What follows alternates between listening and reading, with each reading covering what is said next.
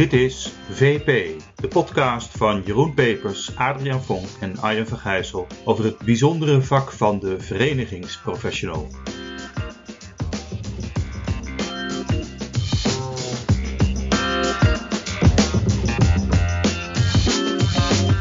Ja, goedendag luisteraars. Uh, we hebben weer een interview voor uh, de podcast uh, 5x5.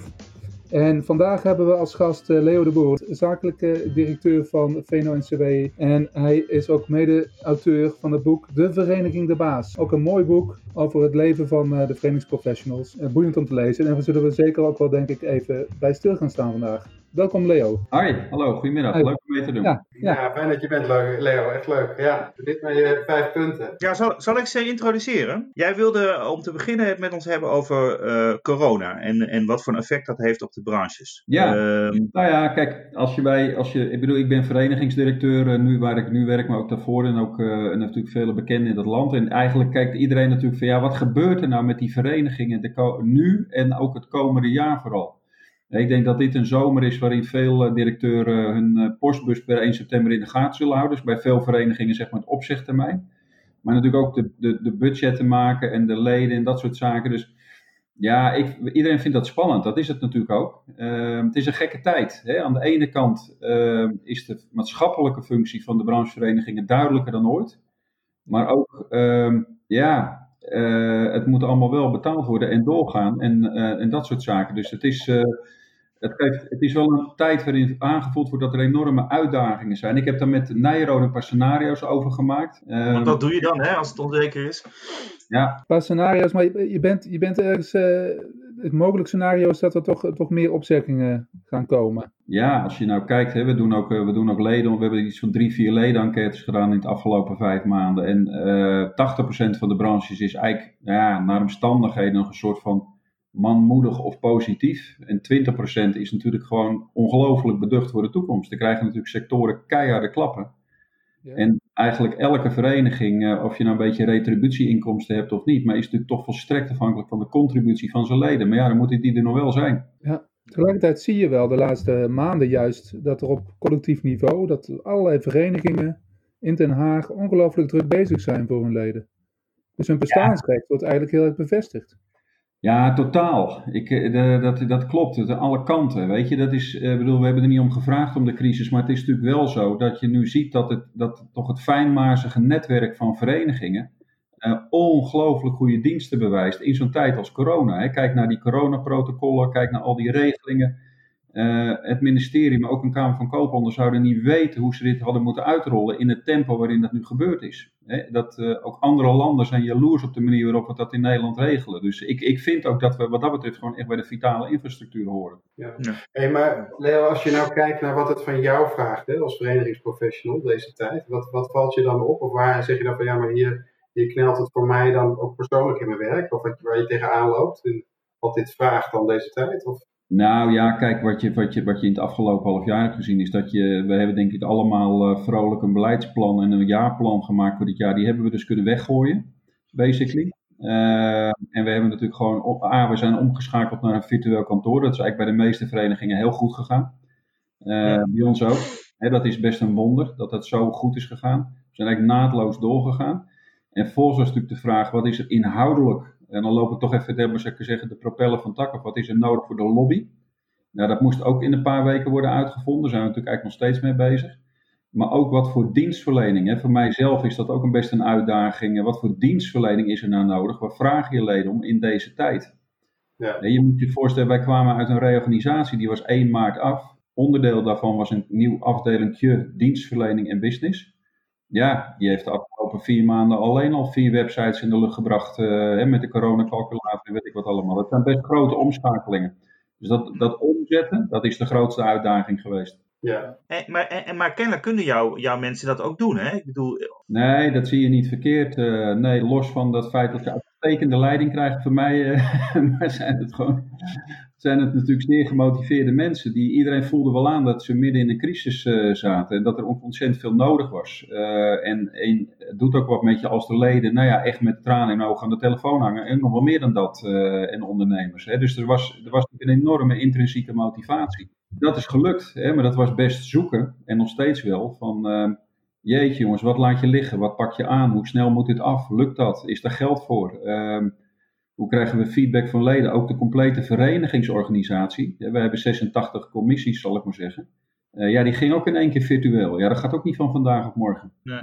Ja, dus, maar ja, met, uh, met moed, beleid en trouw, zeg maar, is het, komt het toch wel heel goed. Als je verder, verder kijkt, Leo, van, van we hebben nu de eerste golf gehad. Hè? Mogelijk komt er nog een tweede golf. Maar ja, want we denken allemaal, straks krijgen we een nieuwe normaal. Maar wat wordt dan een nieuwe normaal voor die vereniging? Gaan jullie nog fysiek uh, vergaderen? Volgens mij is dit het bruggetje naar het tweede punt. Want jij zegt, Leo, uh, de classics blijven belangrijk. Dus uh, Jeroen vraagt op een vooruitblik. Jij zegt, de classics blijven belangrijk. Kun je daarop ingaan? Ja, en dan kan ik ook die vraag van Jeroen meenemen. Dat precies, precies. Nee, kijk, het is ook een moment waarop iedereen, of waarop sommige mensen zeggen alles moet anders en het wordt nog meer zoals normaal. Dat is natuurlijk ook overdreven de, basis onder elke vereniging is toch de homogeniteit tussen je leden. je moet wel leden hebben die wat met elkaar hebben. Uh, en als je ze hebt, moet je er ook zoveel mogelijk van hebben. Representativiteit. Homogeniteit en representativiteit blijft toch de basis. Het is, dat toch wat anders dan een actiegroep, uh, zeg maar even. dat, dat, dat blijft. En ook de, de, toch de wat klassieke indeling van lobby, dienstverlening en ontmoetingsfunctie. Noem het de propeller van tak voor de, voor de mensen die weten wat ik bedoel die zie je eigenlijk natuurlijk gewoon ook nu aan alle kanten terug, ook internationaal. Ik heb ook midden in de crisis nog met, met, met acht Afrikaanse landen zitten, nou, bij spreken zitten les te geven over hoe moet dat nou verder met zo'n crisis met je vereniging. Zelfs daar is dat hetzelfde. Hè? En als ik dan dat van Jeroen uh, pak, uh, ja, kijk, we zitten nu gewoon in een anderhalve meter vereniging met z'n allen. Uh, en met, met, geen leden uh, op kantoor, eh, maar wel in een virtuele vereniging. Uh, met ons personeel thuis en dat soort zaken. En we moeten ook weer terug naar een soort intelligente opening-up, ook van de brancheverenigingen en van onszelf. En ik ben daar ook mee bezig. En ja, ik denk eerlijk gezegd dat, dat je de tweede helft van het jaar krijgt ook een soort hybride vorm. Er zal nog een hoop worden thuisgewerkt, maar er zullen ook steeds meer mensen op kantoor zijn. En datzelfde geldt voor leden. wij zullen gewoon een soort tijdsloten, denk ik, invoeren waarop je op kantoor kan komen. Ja. we gaan ook niet volledig open per 1 april, dat zie ik ook niet gebeuren. Het is een beetje onduidelijk tijdbreker aan op dat gebied. Uh, maar, maar ja. want je, je, je noemt wel die propeller van tak, hè? maar volgens mij je noemt ook wel van dat, dat je dienstverlening dus echt wel verandert. Hè? Nieuwe, nieuwe websites, nieuwe informatie, et cetera. Dus, dus de invulling van die bladen van die propeller die verandert denk ik wel. Of, of uh, nou ja, voor ons wel. Voor ons wel hè. Dat, uh, dus voor veel verenigingen zijn we bijvoorbeeld veel verder op het gebied van dienstverlening dan wij. We zijn toch een behoorlijke lobby-georiënteerde organisatie. Uh, maar ja, dat neemt niet weg dat als je goed gaat kijken, zat er eigenlijk al heel veel dienstverlening deep down in de organisatie. Die moeten we zichtbaarder maken. Uh, en ook een aantal nieuwe dingen. ja, ik noem die coronacalculator, maar ook zo'n site thuiswerk is topsport, NL werk door de anderhalve meter protocollen site, ja, waren allemaal dingen die op dat moment wel van pas kwamen en ook wel weer gevraagd als dienstverlening. Ja. Dat, maar dat is gewoon dienstverlening zoals het eerlijk gezegd al tien jaar geleden bij andere brancheverenigingen ook is gebeurd. Hè? Ja, en wat doen jullie aan, aan zeg maar, uh, zeg maar het mee innoveren? Hè? Dus het, nu is juist in deze tijd hè, innovatiekracht in die verschillende branches uh, activeren en uh, nou, nog meer kruisbestuivingen, gewoon nieuwe, nieuwe verdienmodellen, et cetera. Wat, wat doen jullie daarin? Zie, eh, hebben jullie daarin ook een rol of zijn jullie daar wat, wat minder van? Ja, je moet je wel voorstellen dat. Eh, ik kom natuurlijk ook uit een gewone branchevereniging. Die zit veel dichter op het feitelijke productinnovatie, zeg maar eventjes. Hè. Mhm. Ik kom bij de verzekeraars vandaan. Daar had ik een Innovation Advisory Board en een Innovation Lab en weet ik wat. En dan konden we gewoon praten over verzekeringen en hoe moet het nou verder. Dat is mijn koepel toch net iets anders, maar er gebeurt ondertussen wel veel aan. We hebben natuurlijk een AI-coalitie geïnstalleerd over artificial intelligence, overigens al voor de crisis. Ehm, maar wat we ook zien, ehm, is dat bij het vernieuwen van onze verenigingsstructuur, daar zijn we ook mee bezig, platforms een veel grotere rol gaan spelen dan, uh, dan voorheen. dus veel sectoren willen elkaar veel meer ontmoeten in platformverband, ketenverband, dan uh, single, zeg maar, op een bepaald thema in een commissie zitten. Dat blijft ook belangrijk, maar die platforms die schuiven langs, langs zij, zeg maar. Ja, een voorbeeld, mm anders klinkt het wat abstract nog vorige week donderdag of, of zo heb ik uh, met, samen met nog iemand van kantoor het platform Creatieve Economie geïnstalleerd. Er zitten iets van 15 partijen uit de creatieve economie in. Van de museummensen tot en met de poppodia, tot en met architecten tot en met weet ik wat, die, zeggen, die vinden elkaar als het ware in een bepaalde competentie, in een bepaalde keten. En Mhm. dat, lokt weer, dat lokt gesprekken uit die ze voor die tijd niet zouden hebben gehad. Hè, op, eh, hoe, hoe maak je die keten efficiënt? Hoe ga je met elkaar om? Hetzelfde zie je in de bouw. Zie je bij, nou, we hebben een onleuk voorbeeld, eh, platform gemengd, gemengd verf. Of je zegt, nou, er zijn allerlei platforms. Die, die, en in die platforms komt dat innovatiegesprek veel beter op gang. Dan dat je zit te praten in een single issue commissie over de WHB eh, of zoiets. Ja, ja. En En gaan die, platforms dan ook, gaan die platforms dan ook een soort lobby doen?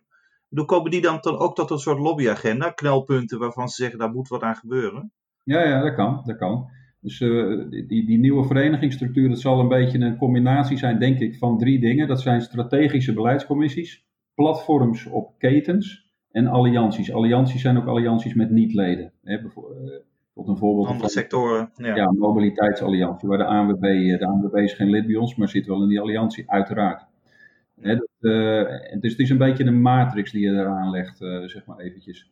En ja, die kunnen dus, die kunnen, maar die, en uiteindelijk worden die lobbystandpunten via zo'n bestuur afgestemd. En het valt onder de governance van VNO-NCW en MKB Nederland, maar daar kan zeker een lobbyagenda uitkomen. Dat klinkt, eh, klinkt wel heel mooi. Het klinkt ook wel ingewikkeld in de zin van dat je dus drie vormen hebt die, wat je zegt, een matrix zijn en dus heel erg ook afstemming vragen. Ja, nou het goede nieuws is, we hebben er nu tien. Dus ehm, we versimpelen. Oké. Jullie handelen veel meer. Je gaat terug, je gaat terug. Kunnen we naar het tweede punt? eh? Ja, derde punt Ja? eigenlijk al. Ja, de Derde vier- de al. je Oh. hebt het over de vier V's. Die zijn van belang in de toekomst. Verdringing, verschuiving, verschraling en versnippering. Ja, ja die, die, die heb ik. Die heb ik, eh, ik heb vorig jaar natuurlijk een organisatieplan gemaakt. eh, Voor de, voor de reorganisatie, die is inmiddels af. Maar daar, daar hadden we ook een aardige beschrijving van ja, wat gebeurt er nou om ons heen. Dus dat staat een beetje los van cor- corona. Die, eh, die verdringing, dat is echt, ja, dat is toch een beetje de notie. En dat de insiders weten dat wel. Dat we natuurlijk niet meer de enige, eh, we, de brancheverenigingen, niet, niet meer de enige spelers zijn op het politieke terrein vanuit ondernemers. Er zijn allerlei actiegroepen. En eh, het Malieveld staat vol en die richt je in een weekendje op. Hè? Dus de single point of entry die we waren tot voor kort, tot een paar jaar geleden misschien, dat zijn we natuurlijk helemaal niet meer. Er is een multi-point of, of entry gaande en daar moeten we ons aan aanpassen. Is lobbyconcurrentie, lobby as a service. Hè, je ziet ook sommige verenigingen of bedrijven het een beetje meepakken als een soort, ja, bijna een soort strippenkaart, zo'n lobby. Ja, dat is, noem ik verdringing. Hè? Dus in termen van Porter, ik ben een fan van Porter. Er zijn gewoon meer concurrenten op het speelveld aanwezig. Dat, eh, die institutionele positie, die verlies je langzamerhand een beetje met elkaar. Maar er zijn dus lui, Leo, die zeggen van eh, op basis hiervan. Eh, dat de, de vereniging, hè, als kla- klassieker, wat jij het had over homogeniteit en representativiteit, dat die gewoon, eh, die zijn passé, die hebben het gehad. Ja, in corona hebben ze zich nou nog net even bewezen, hè, dat gaf je net aan. Maar het is, Nee. eh, het is gebeurd. Nee, dat geloof ik helemaal niet. Nee, sterker nog, nee, absoluut niet. Nooit geloofd ook. Ik denk dat er zijn heel veel krachtige verenigingen die uitstekend werk doen, waar de leden dat ook herkennen. Ehm, en waar homogeen... Zie het eerst maar eens te runnen, een, een flinke vereniging, homogeniteit en representativiteit. Het is allemaal niet, niet zo simpel. Het is alleen wel zo dat ehm, je, je doet ook veel vuil werk, zal ik maar zeggen. Er zijn gewoon wat nieuwe eh entrants, nieuwe, nieuwe initiatieven, actiegroepen, die gewoon op dat moment even de, de noem je dat, uit de pap halen. Ja, dat Ja, is wat het. Daar kun je chagrijnig over zijn, maar dat is wat het is. Daar moeten we gewoon ons aan aanpassen. Dat is een, Het, de krenten uit de pap halen, is dat makkelijker geworden door de social media? Of, of- ja, ja, en dat, dat is eigenlijk ook een bedreiging. Dat eh, niet zozeer het, het vuile werk of, of eh, het werk achter de schermen, maar vooral in de spotlights, daar sta je sneller.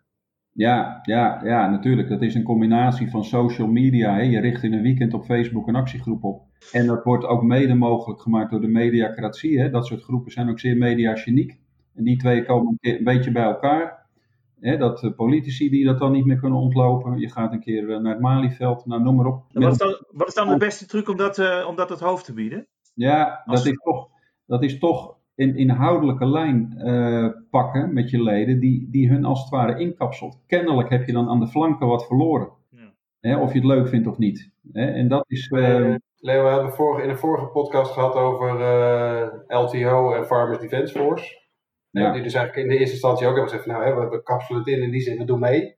En dat dat, dat toch uiteindelijk niet hè, de inhoudelijke lijn botst met, dat, met het actiegerichte roepen, zullen we maar zeggen. Hoe, hoe, hoe, hoe bepaal je nou zeg maar, dan inderdaad van eh, wanneer stap je in, wanneer stap je niet in, hè, wanneer omarm je, arm, omarm je het, wanneer distancieer je ervan? Hoe, hè, wat voor afwegingen gaat er dan bij jullie spelen om, hè, als je dat soort initiatieven hebt? Ja, nou ja, wij, dat is niet 1, 2, 3 te beantwoorden om eerlijk te zijn. Uh, want je zal er maar voor staan. Kijk, wij hebben natuurlijk in die zin een iets ander leven dat we gewoon, uh, wat is het, uh, samen met MKB Nederland uh, tussen de 150 en 200 branches hebben vertegenwoordigd. Ja, daar kan er ook eens eentje afvallen of eentje weer bij lid worden. Maar het, het, dit, die actiegroepen staan eerder individuele brancheverenigingen naar het leven dan een koepel, om het maar even zo te zeggen. Ja. Als, ja. leden, als onze ja, leden het lastiger hebben, dan hebben wij het ook lastiger. Hè? Dus, ja. Nee. Heb jij trouwens je vier V's nu allemaal gehad? Nou, verschuiving en verschaling? Verschuiving, ja, verschuiving natuurlijk vooral van, tussen, van grenzen tussen branches.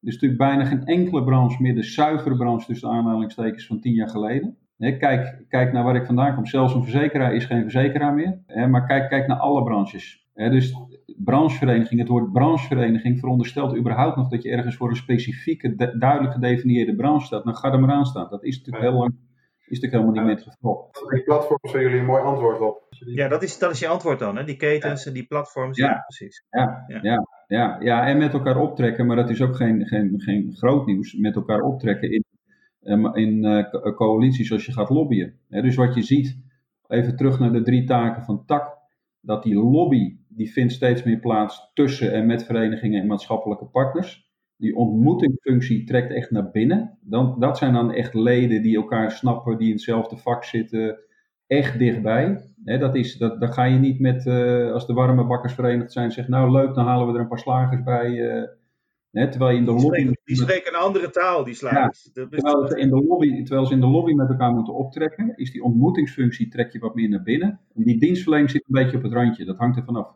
Maar goed, dat is de tweede. De, de derde is uh, uh, verschraling. Kijk, dat geldt niet voor elke vereniging, maar er zijn veel verenigingen die in de financiële crisis en de jaren daarna toch een flinke duw hebben gehad. Er zijn maar weinig verenigingen die echt spectaculair in budget zijn gestegen. Ook niet met de inflatie mee. Uh, we hebben veel opgegeten als verenigingen. Uh, en dat is jammer, uh, want we zijn er nog wel, maar en nu, nu, loop je toch het risico dat je weer een duw krijgt. En dan kom ik ook even bij een stokpaardje van mij. Ik ben ook nog uh, mede-eigenaar van de Academie voor Verenigingsmanagement. Ik heb niks te klagen, het is hartstikke leuk. Maar het, het, de tijd en geld die aan talentontwikkeling binnen brancheverenigingen wordt gestopt, is niet, is niet super. En wat, wat is daar de bedreiging van? Ja, want je kan dat constateren. Je kan ook zeggen, nou dan halen ze gewoon kwaliteit uh, binnen met de werving. Ja. Wat ja. is de bedreiging van het niet nou, zelf kunnen ontwikkelen? De bedreiging is toch dat uh, je, als je de brancheverenigingen, de verenigingen als sector ziet, dat je toch gewoon te weinig aan sectorontwikkeling doet. dat, uh, dat je je taken op enig moment niet goed meer kunt uitvoeren of minder goed dan anders. het is, dat, dat veronderstelt dat het dus echt een heel bijzonder en op zichzelf staand vak of métier is, hè, ja. wat je doet. Dat vind jij ook. Dat vind ik ook. Ah, zeer beslist. Uh, uh, zeer beslist. Ik, eh, als je kijkt, ja, ik heb A, kan ik dat vanuit mijn ervaring zeggen, maar B, ook vanuit, ik ben dus bij al die klassen geweest in de afgelopen twaalf jaar, bij de AVVM. Ehm, en het is gewoon een vak apart. Het, is, het heeft niets te maken met een gewoon bedrijf. Het is handig als je wat bedrijfsmatig bent aangelegd, maar het is echt anders. Dus ik, ik denk dat ook, ja. Ik denk dat het ook maar goed is dat we elkaar een beetje aanscherpen via DNA en via cursussen en AVVM en Jeroen en het boek. En ik bedoel, iedereen trekt er een beetje aan, maar de massieve professionalisering die je op enig moment ook nodig hebt, die komt daardoor moeilijk van de grond. En dat heeft ook te maken met die verschraling. Wat, wat zouden we dan moeten doen om een stap voorwaarts te zetten in die talentontwikkeling? Hè? Je scholen van het bestaand personeel, maar eh, we zijn ook niet op universiteiten. Hè? Als er een arbeidsmarktbeurs is uh, bij een universiteit, ja. staan wij dan niet. Kijk, ik denk dat, uh, um, uh, daar kun je van alles verzinnen, ook hele praktische dingen. Bijvoorbeeld, ik heb een groepje aan, ja, zeg maar aangesteld met vier juniors, Young, Young Executive Program, hartstikke leuk. die geef ik een, een tweejarige werkprogramma zeg maar, binnen onze organisatie, langs verschillende clusters. En ik stuur ze naar Nijrode along the way en laat ze een paar organisatieopdrachten doen. Ik weet van een paar andere verenigingen dat ze dat ook hebben. Hoe leuk zou het niet zijn als je eind van het jaar bij wijze van spreken een keer een talent day doet voor de verenigingen. En zegt nou laat nou al die juniors eens een keer uh, een middagje met elkaar praten. Met op goede sprekers erbij en wat nieuwe ideeën verzinnen. Noem maar wat. Je kan het op vele manieren vormgeven. Ja. ja. Nou, we hebben met, uh, met EDES als branchevereniging hebben we Jong Edes. dat is dan, jong is dan onder de 35. Ja, dat vind ik dan nog een beetje, dat vond ik vroeger oud, maar, maar Jong Edes. Nou, dat was nou, een paar jaar geleden waren er zeg maar, van 50 mensen daarin. En nu zitten we tegen de 300. Ja. Dat, is natuurlijk, dat is niet, gaat niet over Edes als branchevereniging, maar de coöperatiesector. Maar zoiets een jong, een jong branche is, hè, noem maar even wat. Ja. Uh, waarbij je het netwerk vormt uh, van jonge professionals hè, die uh, ja. werkzaam zijn. Nou, ik, dat zou ik heel mooi vinden. Hè? Dus, Want we hadden gisteren ook onze webinar over ons boek. En daarin waren toch ook heel veel verenigingsprofessionals die gewoon eenpitter zijn. Dus ja. ja wij hebben natuurlijk beide. Hoe groot is jouw bureau? Dan zeggen ze ja, uh, ik alleen. ik ben het bureau. Ja, dus dan, daar, in, de, in de duizenden branches die er zijn, zijn er natuurlijk heel veel die die grootte hebben. Dus nee, dat is, dat is ook zo, hè. Dat weet ik. Dus er is een enorme, dat klopt. Hè? Dus de gemiddelde branchevereniging kwam ook uit ons ledenonderzoek, is 16 FTE, hè? is gemiddeld. Hè? Dus daar zit een hele grote staart van veel kleinere bureaus van brancheverenigingen met werkorganisaties en de, en de top 10, top 15 of zo van flinke organisaties, van 50 tot 100 of meer.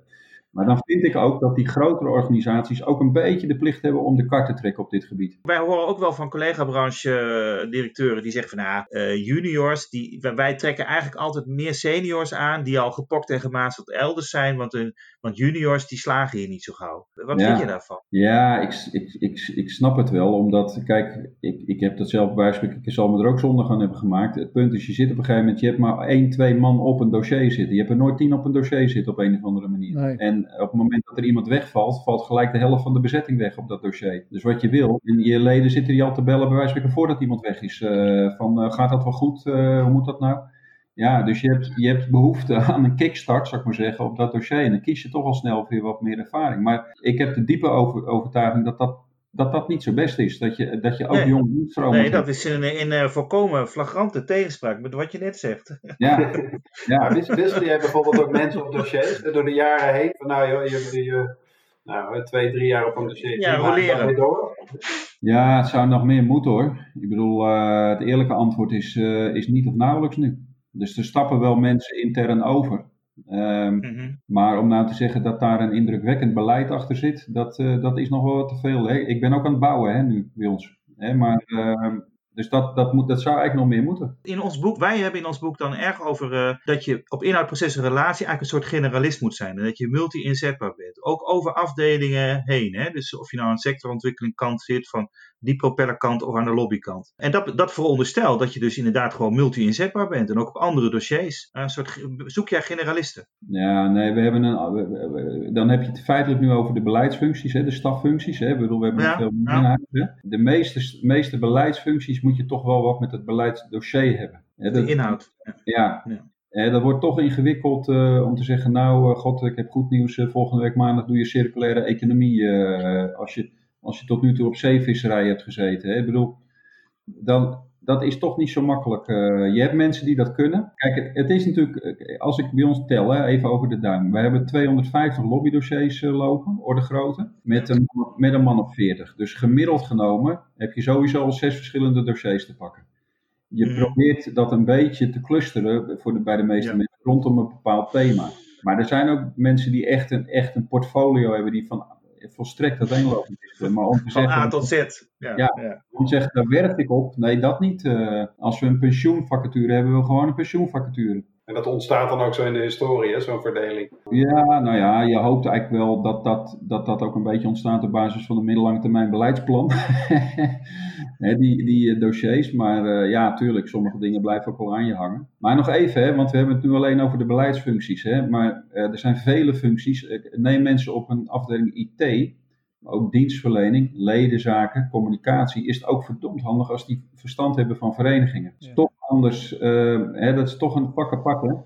Iedereen die wel eens een keer een CRM-systeem voor een vereniging heeft ingericht, weet dat je enige verenigingservaring op een IT-afdeling best handig is. Dan kijk je toch met een andere bril naar wat er nodig is. Hey, zullen we doorgaan naar. Uh... Je wil specifiek ingaan op het ledenonderzoek uh, van jullie van januari. Ja, nee, dus als ik kijk, we hebben toevallig, of ja, nee, niet toevallig, maar ja, het komt wel goed uit nou. In uh, eind vorig jaar, in begin, dat hebben we begin dit jaar gepresenteerd, een ledenonderzoek gedaan, samen met uh, Wisseraad en Verspanum. En, uh, en wat je ziet, eigenlijk reageren de branches, onze leden, op vier manieren, zeg maar, op al die ontwikkelingen. Eén, belangenbehartiging in coalitieverband. Veel meer dan vroeger. Logisch. Ja. Gezien die uh, vervagende grenzen en noem maar op. Ja, dus een beetje een soort schaalvergroting in de lobby. Uh, innovatie. Innovatie op de kaart zetten binnen de verenigingen. Hè. Daar is bij spreken Ivan Pauwels natuurlijk helemaal op afgestudeerd. Dat zie je aan alle kanten. De vraag is natuurlijk nu in coronatijd of dat zo mooi en bruisend blijft als de afgelopen tijd. Hè. Het zou kunnen. Of dat we willen zeggen van nou ik heb even meer dan genoeg aan mezelf. En, uh, maar dat moeten we zien. Van ledenbinding naar ledenparticipatie. Hè, dus ledenbinding klonk natuurlijk al nooit zo prettig. Maar um, ja, hoe lang... Maizena was dat. Ja, ja, ja, Maar hoe laat je ze nou echt participeren? Wat is nou een beetje een moderne vorm daarin? En ook het verzelfstandigen van dienstverlening. Überhaupt het professionaliseren van dienstverlening. Er waren opvallend veel verenigingen die dit buiten de deur in een BV of dat soort zaken geregeld hadden. Meer dan we hadden gedacht met z'n allen. Is het ervaring om. Want het, het, het verzelfstandigen in BV's gaat uit van de gedachte dat ze het daarvoor binnen de vereniging zelf uh, deden. Ja, ja of, daar iets over of, te zeggen? Van, uh, botste dat of, of voelde dat niet lekker? Of, of waren er andere uh, fiscale Nou ja. issues? Ja, zover zijn we niet gegaan. Maar mijn eigen inschatting is: kijk, je hebt als je dienstverlening binnen je vereniging gaat organiseren tegen retributie, dan heb je al snel een BV nodig, omdat je anders tegen VPB of BTW-problemen gaat aanlopen. Ja, gewoon het fiscale regime. Ja, ja, ja. En het, uh, en het kan ook leden, ja, het kan ook te maken hebben dat je zegt: nou, ik wil het gewoon niet op die manier door mijn vereniging hebben lopen, dat geld. Ja, dat kan. Ja, dat maakt de begroting, kan ook de begroting een beetje kwetsbaar maken als je niet uitkijkt. Maar uh, dus het is moeilijk te zeggen. Het, kunnen ook nieuwe, het kan ook gewoon dat men echt opnieuw uh, aan allerlei nieuwe dingen is begonnen en daarvoor een BV nodig had. Maar het is wel veel groter dan we dachten. Ook de onderzoekers. Uh, sterker nog, ik geloof dat er ongeveer evenveel mensen in die BV's werken als in de verenigingen op dit moment. Wat, vind, je, wat vind je daarvan? Hè? Want je kunt ook zeggen van, uh, hè, wat zijn nou de motieven geweest om überhaupt aan, aan die retributiekant te gaan werken? Hè? Ja, waren dat nou teruglopende contributieinkomsten of, of wil je echt de markt versterken met elkaar hè, door, door mee te gaan innoveren of mee te gaan ondernemen? Ja. Je, kunt, je, kunt, je, kunt, je kunt ook zeggen van ja, weet je, als je, als je niet de contributie niet meer wil betalen voor je gewoon de basisvereniging, zullen we maar zeggen, hè, wat, wat, is, wat nog je bestaansrecht? Of knaagt het daar dan een beetje aan, zeg maar? Ja, nou ja, ik heb dat, dat paradoxale gevoel wat jij zegt ook wel een beetje. Hè. Kijk, Um, aan de ene kant zou, zou je moeten zeggen, het verenigingsgevoel moet ertoe leiden dat je met plezier je contributie betaalt. Want uh, dan zie je het nut en je, je, je, je belang ja. is van de bijdrage die je levert, uh, zeg maar even. Tegelijkertijd, het is ook een soort all-you-can-eat concept, hè, die contributie. Je maakt het over begin van het jaar en daarna bel je de branchevereniging zo vaak mogelijk, uh, want je hebt toch al betaald. Dat, he, dus dat is ook een beetje gek, uh, zeg maar even. Ik snap wel, hè, wij, zijn dat, wij gaan dat zelf ook doen, dat je iets minder afhankelijkheid van contributie wil en iets meer retributie, maar met mate. Je wil het ook niet overdrijven, het is ook geen bedrijf.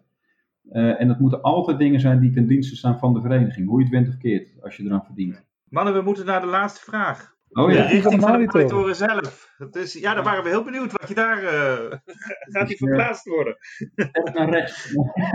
Een stukje naar rechts. Stukje, stukje naar links. Anderhalve meter. Nee, nou ja, goed. Dat zal jullie niet verbazen, maar dat is, uh, dat is al eerder uh, vastgesteld. Dus wij, wij zeggen van, nou, we willen eigenlijk inhoudelijk een, proberen, we gaan we proberen toch een iets, maats, ja, zo je wil, nog maatschappelijkere koers te voeren. Hè, dat, uh, dat voor insiders, dat heet het brugproject. We, we komen uit een strategie dat heet Next Level. Dat was een, ja, laten we zeggen, een strategie die heel erg draaide om de technologische omschakelingen die in Nederland nodig waren. Maar we willen eigenlijk ook meer aandacht voor de meer maatschappelijke component. En dat, dat noemen we dat brugproject. Hè? De, brug, de brug tussen ondernemers en samenleving versterken. Dus dat is een koersverandering. De versterking van de verenigingsorganisatie. Ook herstructureren ervan. Toch die betrokkenheid, ontmoetingsfunctie, ledendemocratie, ledenbinding, ledenparticipatie, die verenigingsstructuur. Wat ik, wat ik straks vertelde over die platforms en dat soort zaken. Dat gaan we opnieuw inrichten. Uh, versterking van de werkorganisatie, talent, uh, structuur, uh, HRM-systeem, uh, IT, nou ja, de hele werkorganisatie, daar zijn we al heel eind mee eigenlijk, godzijdank. Um, en ook uh, toch een, een, tandje bij op gebied van dienstverlening en retributie. Toch een beetje een diversificatie, zeg maar even. Het is nu 99,5 contributie.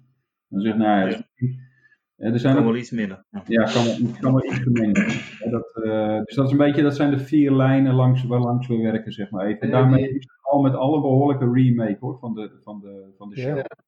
En die eerste noem je niet voor niks als eerste, zeg maar. Want daar, daar zie je echt een soort, uh, soort behoefte of een noodzaak om, om nog meer van de verbinding te maken van ja, wat voegen ondernemers nou eigenlijk toe in de samenleving anders dan geld maken? Moet ik het dan zo... Ja, de, de, de, de, de, de waardepropositie voor de maatschappij, bedoel je dat? Ja, dus uh, het is een beetje het adagium, uh, Kees Oudshoorn die is daarmee gekomen en uh, iedereen denkt verrek, ja, dat, maar dat, de Kennedy slogan, hè, ask not what, you, what your country can do for you, but what can, can you do for your country? Wat kunnen wij nou als vereniging doen voor het land? Hè? Voor de, voor de, niet alleen voor de BV Nederland, maar ook voor het huis Nederland, zeg maar even. En dat, uh, hè, daar wonen ook mensen. Hè, dus dat, dat, die, die, dat proberen we erin te leggen. En dat, dat zal zich op vele fronten. Dat kan zijn dat je zegt, nou, we moeten een enorme impuls geven van leven lang leren. We moeten gewoon onze mensen zorgen dat we nog tien jaar door kunnen met z'n allen. En niet alleen maar omdat we volgende week de werkplek bezet moeten hebben bij bedrijven, maar ook, ook voor de komende jaren. Dat is een voorbeeld, maar er zijn er vele van. Je kan ook kijken naar schulden. Heb je daar een rol in? Als je werknemers. Leefbare wijken heb ik het over. er zitten vaak heel veel ondernemers in zo'n wijk en die, ja, die willen ook dat die wijk uh, de goede kant op gaat. Ja, ja, en niet alleen maar omdat ze wat meer klanten door de winkelstraat willen hebben. Hè. Er zit meer achter. Hè. En dat gaan we proberen uh, daarin te beleggen. Nou, mannen, volgens mij hebben we de vijf punten gehad. Zijn, denk... zijn, er nog dingen waar je op terug wil komen, Leo? Nee, nee, ik heb, nee het is allemaal opgenomen. Dus het is wat het is. Uh... het is wat het is. Nee, nou, dan nee. willen we je hartelijk danken. Ontzettend leuk. Uh, jongens, bedankt. Uh, goede vakantie alvast. Ja, en voor de luisteraar, hartelijk dank voor het luisteren naar deze podcast. En tot de volgende keer.